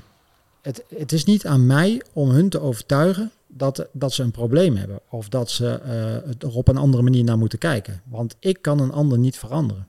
Ik kan wel zeggen hoe het voor mij is gegaan. En wellicht helpt dat om een lampje te doen branden bij hun. Maar uiteindelijk is het aan hen om te zien van joh, het voelt niet meer goed. Op het moment dat het eigenlijk niet meer goed voelt, durf dan ook gewoon eerlijk te zijn. En ik zou bijna willen zeggen, ga eens echt voor een spiegel staan en praat eens met jezelf. Kijk jezelf echt eens in de ogen en praat eens met jezelf. Wie wil je zijn? En, en klopt het wat je zegt? Of is dit uh, relativeren van het probleem? Maar het is ook heel helpend om eens gewoon te onderzoeken, want dat doen wij ook, gewoon uh, een gesprek aan te vragen met iemand die er verstand van heeft. En gewoon eens te vragen van, joh, hoe kijk jij ernaar? Dan hoef je er nog niks mee. Maar het geeft vaak wel nieuwe inzichten. Want wij spiegelen elkaar ook wel heel veel, maar we hebben ook gewoon een coach. Omdat, omdat je heel snel zelf in rondjes draait of in een tunnelvisie zit. Het is zo fijn om af en toe eens even iemand totale buitenstaander te vragen van wat zie jij nou aan mij? En uh, daarmee aan de slag te gaan en dat ook voor waar aan te nemen. Want je kan wel denken dat mensen jou zien op een bepaalde manier, maar het is uiteindelijk vanuit jouw perceptie. Maar wat ziet een ander nou? Dat is, heel, dat is ook weer een enge vraag eigenlijk. Want je gaat dingen horen waar je zelf niet aan hebt gedacht. Nou, dat is wel, dat is wel mooi. Wat, wat, wat de vraag die mij nu te binnen schiet, is eigenlijk. Of een situatie die, uh, die is voorgevallen. En dat heb je zelf ook wel eens uh, misschien gehad. Ik in ieder geval wel. Op het moment dat je helemaal geen alcohol meer drinkt. Of helemaal. En jij drinkt wel weer alcohol. Dus ik ben ook even benieuwd hoe dat dan voor jou gaat. Uh, maar dat mensen zeggen, ja, ik zeg ook wel eens, nou, brood is bijvoorbeeld uh, in jouw situatie, dus iedereen moet dat zelf weten, maar in sommige gevallen zeg ik eigenlijk, brood is voor jou geen goed product. Daar reageer je op en dat, daar kun je last van krijgen van ander product en dat is dan onderzocht. Of, of de, de reacties daarop voortkomen en dan zegt iemand, ja, ja, als ik geen brood meer kan eten, dan heb ik geen leven meer. Wat, wat is dan wat is dan een, een, reactie die jullie daarop zouden geven? En dan in dit geval komt niemand bij jullie waarschijnlijk met een broodverslaving. Maar... Nog niet, maar uh, mocht je hem hebben, kom maar. Ja, nee, maar uh, mijn eerste reactie is dat is jouw overtuiging. Het is jouw overtuiging dat het leven niet meer gezellig kan zijn zonder brood. Ik heb ook gedacht, want ik ging, zoals ik had gezegd aan het begin, uh, ik ging om minder te drinken of gecontroleerd te drinken, ging ik uiteindelijk hulp halen. Ik heb vier jaar niet gedronken. Ik heb in die vier jaar een fantastisch leven gehad. Omdat ik een andere overtuiging plaatste voor de oude overtuiging. Van, joh, ik kan niet meer drinken. Want als ik dat doe, dan word ik weer die ontzettende uh, hork die uiteindelijk iedereen en alles om me heen beschadigt. Dat is wel de prijs die ik ervoor betaal om nog wel gezellig in het weekend te drinken. Dat is het me niet waard. Dus ik heb het uiteindelijk nu veel leuker op de langere termijn door niet te drinken. Gedachten zijn te kiezen. En als jij bepaalde gedachten kiest die jou helpen, dan worden dat overtuigingen die, jij, die jou helpen. En dan zal je zien dat je brein je voor de gek houdt.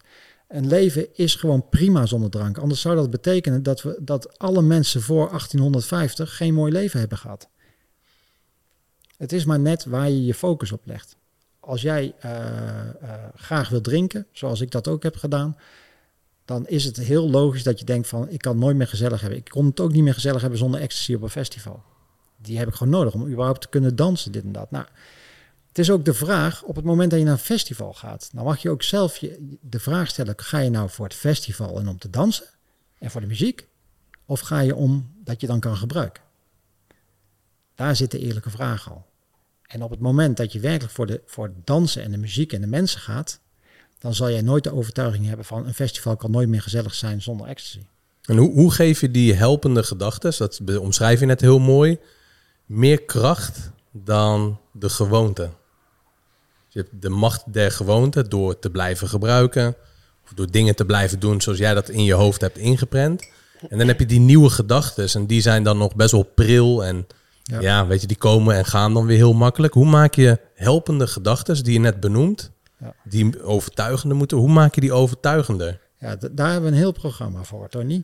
Maar dat duurt dus te lang. Daar komt het op Dat duurt echt te lang. Want het heeft misschien een, klein, een kleine. Het, ja. Maar het heeft namelijk met een heleboel dingen te maken. Het heeft te maken met het beschrijven van je mooiste leven. Want mhm. dan kan je weten wat is ondermijnend en wat is helpend. Mhm. Het heeft te maken met uh, breng eens in kaart hoe je omgeving en alles eruit ziet. Maar breng ook in kaart hoe ziet jouw weekstructuur eruit en jouw dagstructuur eruit. Uh, want daar zitten heel veel triggers vaak in. Mensen slaan heel vaak door in het een of het ander. Hoe ziet bijvoorbeeld uh, de tijd eruit die je echt voor jezelf neemt? Wij noemen dat meditatietijd of spirituele tijd. Maar uiteindelijk is het gewoon tijd voor jezelf. Dat je echt communiceert met jezelf alleen. Op het moment dat je dat allemaal kloppend maakt, zal je zien dat er rust in je leven komt. En dan heb je een situatie gecreëerd waarin je dit soort gedachten kan gaan trainen. Al helemaal op het moment dat je ook mensen om je heen verzamelt die op dezelfde manier bezig zijn. Ja, en je gaat dan ook steeds meer, als je eenmaal weet hoe dat werkt, ga je bij jezelf opmerken, eigenlijk jezelf op het trappen van, oh, daar ga ik weer. Want ook nu kan ik zomaar nog ineens iets denken wat totaal niet helpend is. Maar alleen al het feit dat ik het opmerk en dat ik eigenlijk niet gelijk die stok oppak, wat ik vroeger deed, mezelf slaan van, joh, beter ook een muts, dat je dit mhm. weer niet kan. En nou, dan voelde ik me weer shit en nou, dan kwam die zak chips weer, bewijzen van. Ja, ja, ja. Dat is dan het cirkeltje waar je heel makkelijk in zit. Ehm, maar je kan dus leren om op het moment dat je dit dus opmerkt, dat je gewoon een keuze hebt. En als jij voor jezelf heel duidelijk hebt wat de voor- en nadelen zijn op korte termijn en op lange termijn van alles wat je aan het doen bent, dan weet je op een gegeven moment ook van ja, ik kan wel weer elke keer diezelfde deur opentrekken en iets anders verwachten, maar er gaat niks anders achter staan. Je zal dus een andere deur moeten opentrekken om iets anders te krijgen. En wat we gisteren aan de telefoon ook uh, bespraken, dat is een stukje uh, verslaving en eenzaamheid, dat dat ook heel erg met elkaar verbonden is. En um, die eenzaamheid die creëer je waarschijnlijk ook uh, door jezelf even af te zonderen van soms sociale aangelegenheden, wat dan ook weer misschien een trigger is voor, voor verslaafden. Maar dat is wel noodzakelijk om even alles op een rijtje voor jezelf te zetten. Dus je het leven even wat afremt en ja, even wat eenzaamheid creëert. Om dat dan even op een rijtje te zetten voor jezelf. Ja, maar ik zou het niet eenzaamheid willen noemen. Ik denk dat ik het ook meer uh, ook letterlijk stilstaan uh, benoem. Gewoon is echt bij jezelf zijn. En en natuurlijk, uh, dat is niet zo handig in een kamer waar een feestje is en waar tien mensen zitten. Dat gaat makkelijker uh, als ik in mijn bed lig bijvoorbeeld. Of als ik in mijn eentje in een ruimte ben en even op een stoel zit en een bepaald muziekje aanzet. Of een begeleide meditatie beluister. Want dan kan ik veel meer voelen. Dat is ook echt wel een sleutel, dat voelen. Van hé, hey, hoe is het nou eigenlijk met mij? En zit ik op de goede weg? wij komen ook heel vaak tegen, ook bij onze klanten, dat weet je, op het moment dat ze dus uh, dit hebben ervaren, voelen ze eigenlijk, ik wil er meer van, maar dit moet je ook oefenen. Dit kan je niet in drie weken, uh, dan weet je wel hoe het moet, maar dat wil nog niet zeggen dat het in de praktijk ook zo gaat. En dan merken ze alweer van, oh ja, ik heb het weer laten liggen of ik heb het te druk. En ja, ik heb ook echt geleerd dat op het moment dat ik niet de tijd kan nemen om tien minuten te mediteren, met mezelf te zijn, dan weet ik al, ga maar 20 minuten zitten, want dan is dat wat er nodig is. Um, dus ik weet ondertussen dat elke keer als ik dat laat lopen, loopt mijn mooiste leven weer van me af. Dus ja, dan weet ik gewoon van. En dan mag ik ook voor kiezen, hè? Zolang ik dat wil doen, doe ik dat. Um, maar ja, op het moment dat je elke keer weer een bepaalde keuze maakt waarin je merkt van ja, maar ik ben mezelf aan het beschadigen. Ik leef niet mijn mooiste leven. En sterker nog, ik beschadig ook de mensen om me heen ja, dan weet je gewoon op een gegeven moment, ik wil echt een andere keuze maken. Vooral omdat het ook zoveel oplevert. Weet je, het is, het is een ander soort fijn gevoel dan die quick fixes die je haalt uit dat verslavingsgedrag wat je alsmaar vertoonde. Maar ik, ik zou zeker ook in het begin jezelf niet te veel isoleren. Uh, isoleren, dat doe je ook heel vaak als je in je verslavende gedrag zit, omdat je op een gegeven moment uh, weet dat je eigenlijk mateloos bezig bent en je wil het voor de buitenwereld nog uh, heimelijk houden, dus voor jezelf houden. Dus dan ga je dat vaak alleen doen. Dus alleen zijn is een trigger. Dus op het moment dat jij net uh, begonnen bent om los te komen van je, van je gebruik, dan is het zeker raadzaam om nooit alleen te zijn. Zelfs als je gaat mediteren, doe dat gewoon met een ander. En uh, waarom? Omdat alleen zijn betekent dat je weer in je hoofd gaat zitten, heel snel. En daar schuilt je verslaving. Dus die gaat tegen jou aanpraten van nou, is dit het nou? Is dit nou het leven? Wou je dit nou? Is dit je mooiste leven dus? Ja, en dan ga je overstag als je net bent begonnen. Want het heeft gewoon ook weer een paar fases als je uh, los gaat komen, dan, dan, dan heeft dat ook weer een paar fases gewoon waar je doorheen moet. En één fase is een hele zware fase, omdat je dan werkelijk naar de euforie van ik ben al een tijdje los. Je omgeving geeft allemaal complimenten, oh, wat zie je er goed uit en wat goed, wat doe je dat allemaal goed. Maar dat verstomt op een gegeven moment. En de, de, de, de, de fijne hormoontjes die je voelt vanuit die complimenten en zo, die verdwijnen dus langzaam maar zeker. Maar je gaat ook je middel missen, want het wordt bijna saai. En dan? Ja, en dan is het dus wel heel helpend als je zorgt dat er gelijkgestemden om je heen zijn, omdat die dat gevoel ook herkennen. En dan kan je daarover delen.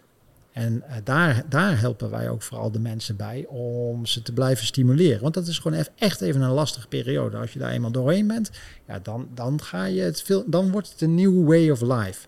En dan ben je ook werkelijk al ge, ge, gewend aan je nieuwe gedrag, waar dat niet meer bij hoort. En dan krijg je nog steeds triggers hoor. Mm -hmm. Maar daar maken we vervolgens weer terugvalpreventieplannen voor.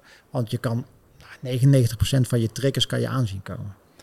En natuurlijk, er zullen altijd gebeurtenissen zijn die triggeren, die je niet had zien aankomen. Maar als jij al heel erg lang op de juiste manier bezig bent met je lichaam en met je geest, ja, dan kan je ook die triggers aan. Ja, ja. maar wat je dan eigenlijk doet, is je, je bent uh, eigenlijk een heel nieuw leven voor jezelf aan het creëren. Ja. En uh, dat is zo mooi, hè? Uh, je hersenen die, zijn plastisch en er zijn bepaalde uh, gewoontes en gedragingen die je natuurlijk jarenlang hebt gedaan op een bepaalde manier. Verslaafd of naaste. Je doet gewoon je ding wat je doet. dat zijn eigenlijk van die diep ingesleten paden, zo noemen we dat. Mm -hmm. En ja, die zijn vertrouwd, dat is bekend. Daar, je brein wil je daar ook lekker makkelijk. Dat moet je maar doen. Maar het is gewoon mogelijk om nieuwe neurologische verbindingen te maken. Dus je kan gewoon nieuwe paden aanleggen. Want die voelen natuurlijk in het begin heel onwennig en, en vreemd en bijzonder. Uh, maar ja, je snapt ook dat als jij vaker een nieuw pad bewandelt, dan wordt dat ook gewoon een stevige weg. En dan wordt uiteindelijk dat ook weer een nieuw ingesleten pad. En zo ontstaan dus die nieuwe patronen en kan je dus uiteindelijk nieuw ook op de automatische piloot dat leven gaan leven. Ja. En dat is zo fijn, dat ook niet meer wat wij echt wel uh, in, het begin, ja, in de beginjaren van dat, nadat Rob in de kliniek was geweest, was het eigenlijk alleen maar van, uh, ga je wel naar de meeting? Uh, hoe ga je het doen bij dat feestje? En weet je wel, al, al zulke soort dingen kwamen ter sprake. Allemaal vanuit angst om terug te vallen. En het is zo fijn dat we eigenlijk dat daarin nu doorbroken hebben. En dat niet zo het alsmaar gaat om verslaving. Dat, dat je ook niet je leven lang hoeft te zeggen: Ik ben verslaafd. Weet je, het is gewoon een affirmatie. Als ik vaak genoeg zeg: Ik ben dom, ga ik vanzelf genoeg, ga ik vanzelf geloven dat ik heel dom ben. Datzelfde werkt voor, voor verslaving. Als ik alsmaar moet zeggen: Ik ben verslaafd, ja, dan geloof je daar natuurlijk ook in. Maar hoe fijn is je dat niet meer hoeft te zeggen en dus iets anders kan gaan zeggen waar je wel blij van wordt en dat niet zo die focus ligt op. op ik mag niet meer. Nou, dat is vrijheid. Ja. Want uiteindelijk, uh, dat is ook wat ik aan het begin van de podcast zei. Ik was gevangen door gebruik. En toen ik eenmaal hulp had gehaald, was ik gevangen door herstel. Maar ik heb nu de vrijheid gevonden. Want verslaving maakt buiten mijn werk geen onderdeel meer uit van mijn leven. Ik ben niet meer bezig om allerlei plannen B te maken en, en, en te kijken hoe uh, moet ik ervoor zorgen dat ik uh, nooit meer terugval. Nee joh, ik maak gewoon gezonde keuzes uh, ten alle tijden. Ik ben een vrij man en ik ben eigenlijk verder dan dat ik ooit was in vrijheid. Dus uh, ja, ik kan wel zeggen dat nu mijn, mijn, mijn slechtste dag in mijn vrijheid nu is nog vele malen beter dan mijn beste dag in verslaving. Dat is mooi. Heel mooi. Dus het levert echt op. Ik denk ook wel dat het een mooie brug is naar het laatste stukje. We hebben het gisteren natuurlijk aan de telefoon nog ook even gehad over uh, vermoeidheid en sporten. Dus dat, dat, dat stukje is ook heel belangrijk. Hè? Als je vermoeid bent, dan kun je eigenlijk weinig losmaken van... Of, of überhaupt wat voor elkaar krijgen. Dus is er zo'n moeilijke taak voor de boeg hebt... of je bent de naaste van een verslaafde. Je moet iemand daarin dan... of je grenzen aangeven. Of je hebt zelf last van verslavingen, wat die ook mogen zijn. Mm ja, dan moet je gewoon goed slapen om daartegen te kunnen vechten. Want het is wel een aardig gevecht wat je aangaat. Ja. De moeite waard, maar... Zeker, het kost heel veel energie en daarom is die structuur dus ook heel belangrijk. Goed slapen, sporten. Ja, rust, regelmaat en reinheid eigenlijk. Dus, dus, dus je moet zorgen dat er een goede balans gaat komen tussen, tussen uh, je fysiek goed onderhouden, maar ook uh, mentaal goed onderhouden. Spiritueel, emotioneel, sociaal. Want ook vrienden blijven zien. Hè? Dus er moet een mooie balans zijn. Wel de juiste vrienden. Ja. Liefst wel. Ja, en uiteindelijk, kijk, ik hoor jou ook zeggen gevecht. Dat is ook wat wij zeker eerst hebben ervaren. Sowieso in ons leven veel gevochten tegen van alles. Mm en wat wij nu juist ervaren, dat het zo mooi is dat het nu geen vechten meer is. Want dat is juist ook zo zwaar, wat het zo zwaar maakt. Weet je, en wij zijn er echt achter, ondanks allemaal gedoe. Nou, we hebben best wel wat dingetjes ook gedeeld nu in deze podcast. Zeker. Dat is echt niet, niet leuk of fijn. Ehm, maar het leven kan ook leuk en licht en luchtig zijn. Nou ja, dat, dat is mooi dat je dat zegt, want uh, ik voel uh, helemaal geen gevecht. Want op het moment dat ik mijn eigen leven ben gaan leven en niet meer mijn leven ben gaan leven waarvan ik denk dat mijn moeder dat heel fijn vindt dat ik dat doe, of mijn vriend of wie dan ook, dan is het geen gevecht meer. Want ik ben gewoon aan het doen wat voor mij het beste voelt. Dat kan nooit een gevecht zijn. Het wordt pas een gevecht op het moment dat ik daarvan af ga wijken, want dan ga ik iets onnatuurlijks doen. Dus toen ik, nou ja, een half jaar geleden op deze manier met mijn verslaving omging, toen stopte het vechten. Want al die jaren ervoor, ondanks dat ik niet meer gebruikte, was ik inderdaad aan het vechten om niet terug te vallen. En dat kostte veel energie. En natuurlijk uh, is het altijd goed om een gezond lichaam te hebben wat je onderhoudt, zowel mentaal als fysiek. Dus sporten, heel goed. Maar ik ken ook vele klanten van ons die op een gegeven moment stoppen met het middel, maar weer obsessief gingen sporten. En dat was echt een soort cross-addiction. Dat was dus het ene middel vervangen voor het andere. Want sporten kan gewoon verslavend werken. Want er komen ook stofjes vrij in je, in je hoofd die heel prettig voelen. Maar op het moment dat, het, dat je doorslaat in iets, ja, dan, dan is het weer obsessief. Ja, het gaat ook echt om de balans zien te vinden op al die vlakken in je leven. Balans, daar gaat het echt om. Structuur en balans. En, uh, en, en door te mediteren bijvoorbeeld, kan je heel goed voelen van ben ik nog in balans? Want als je onrust ervaart, om wat voor reden dan ook, ga maar op onderzoek uit waar komt dat vandaan.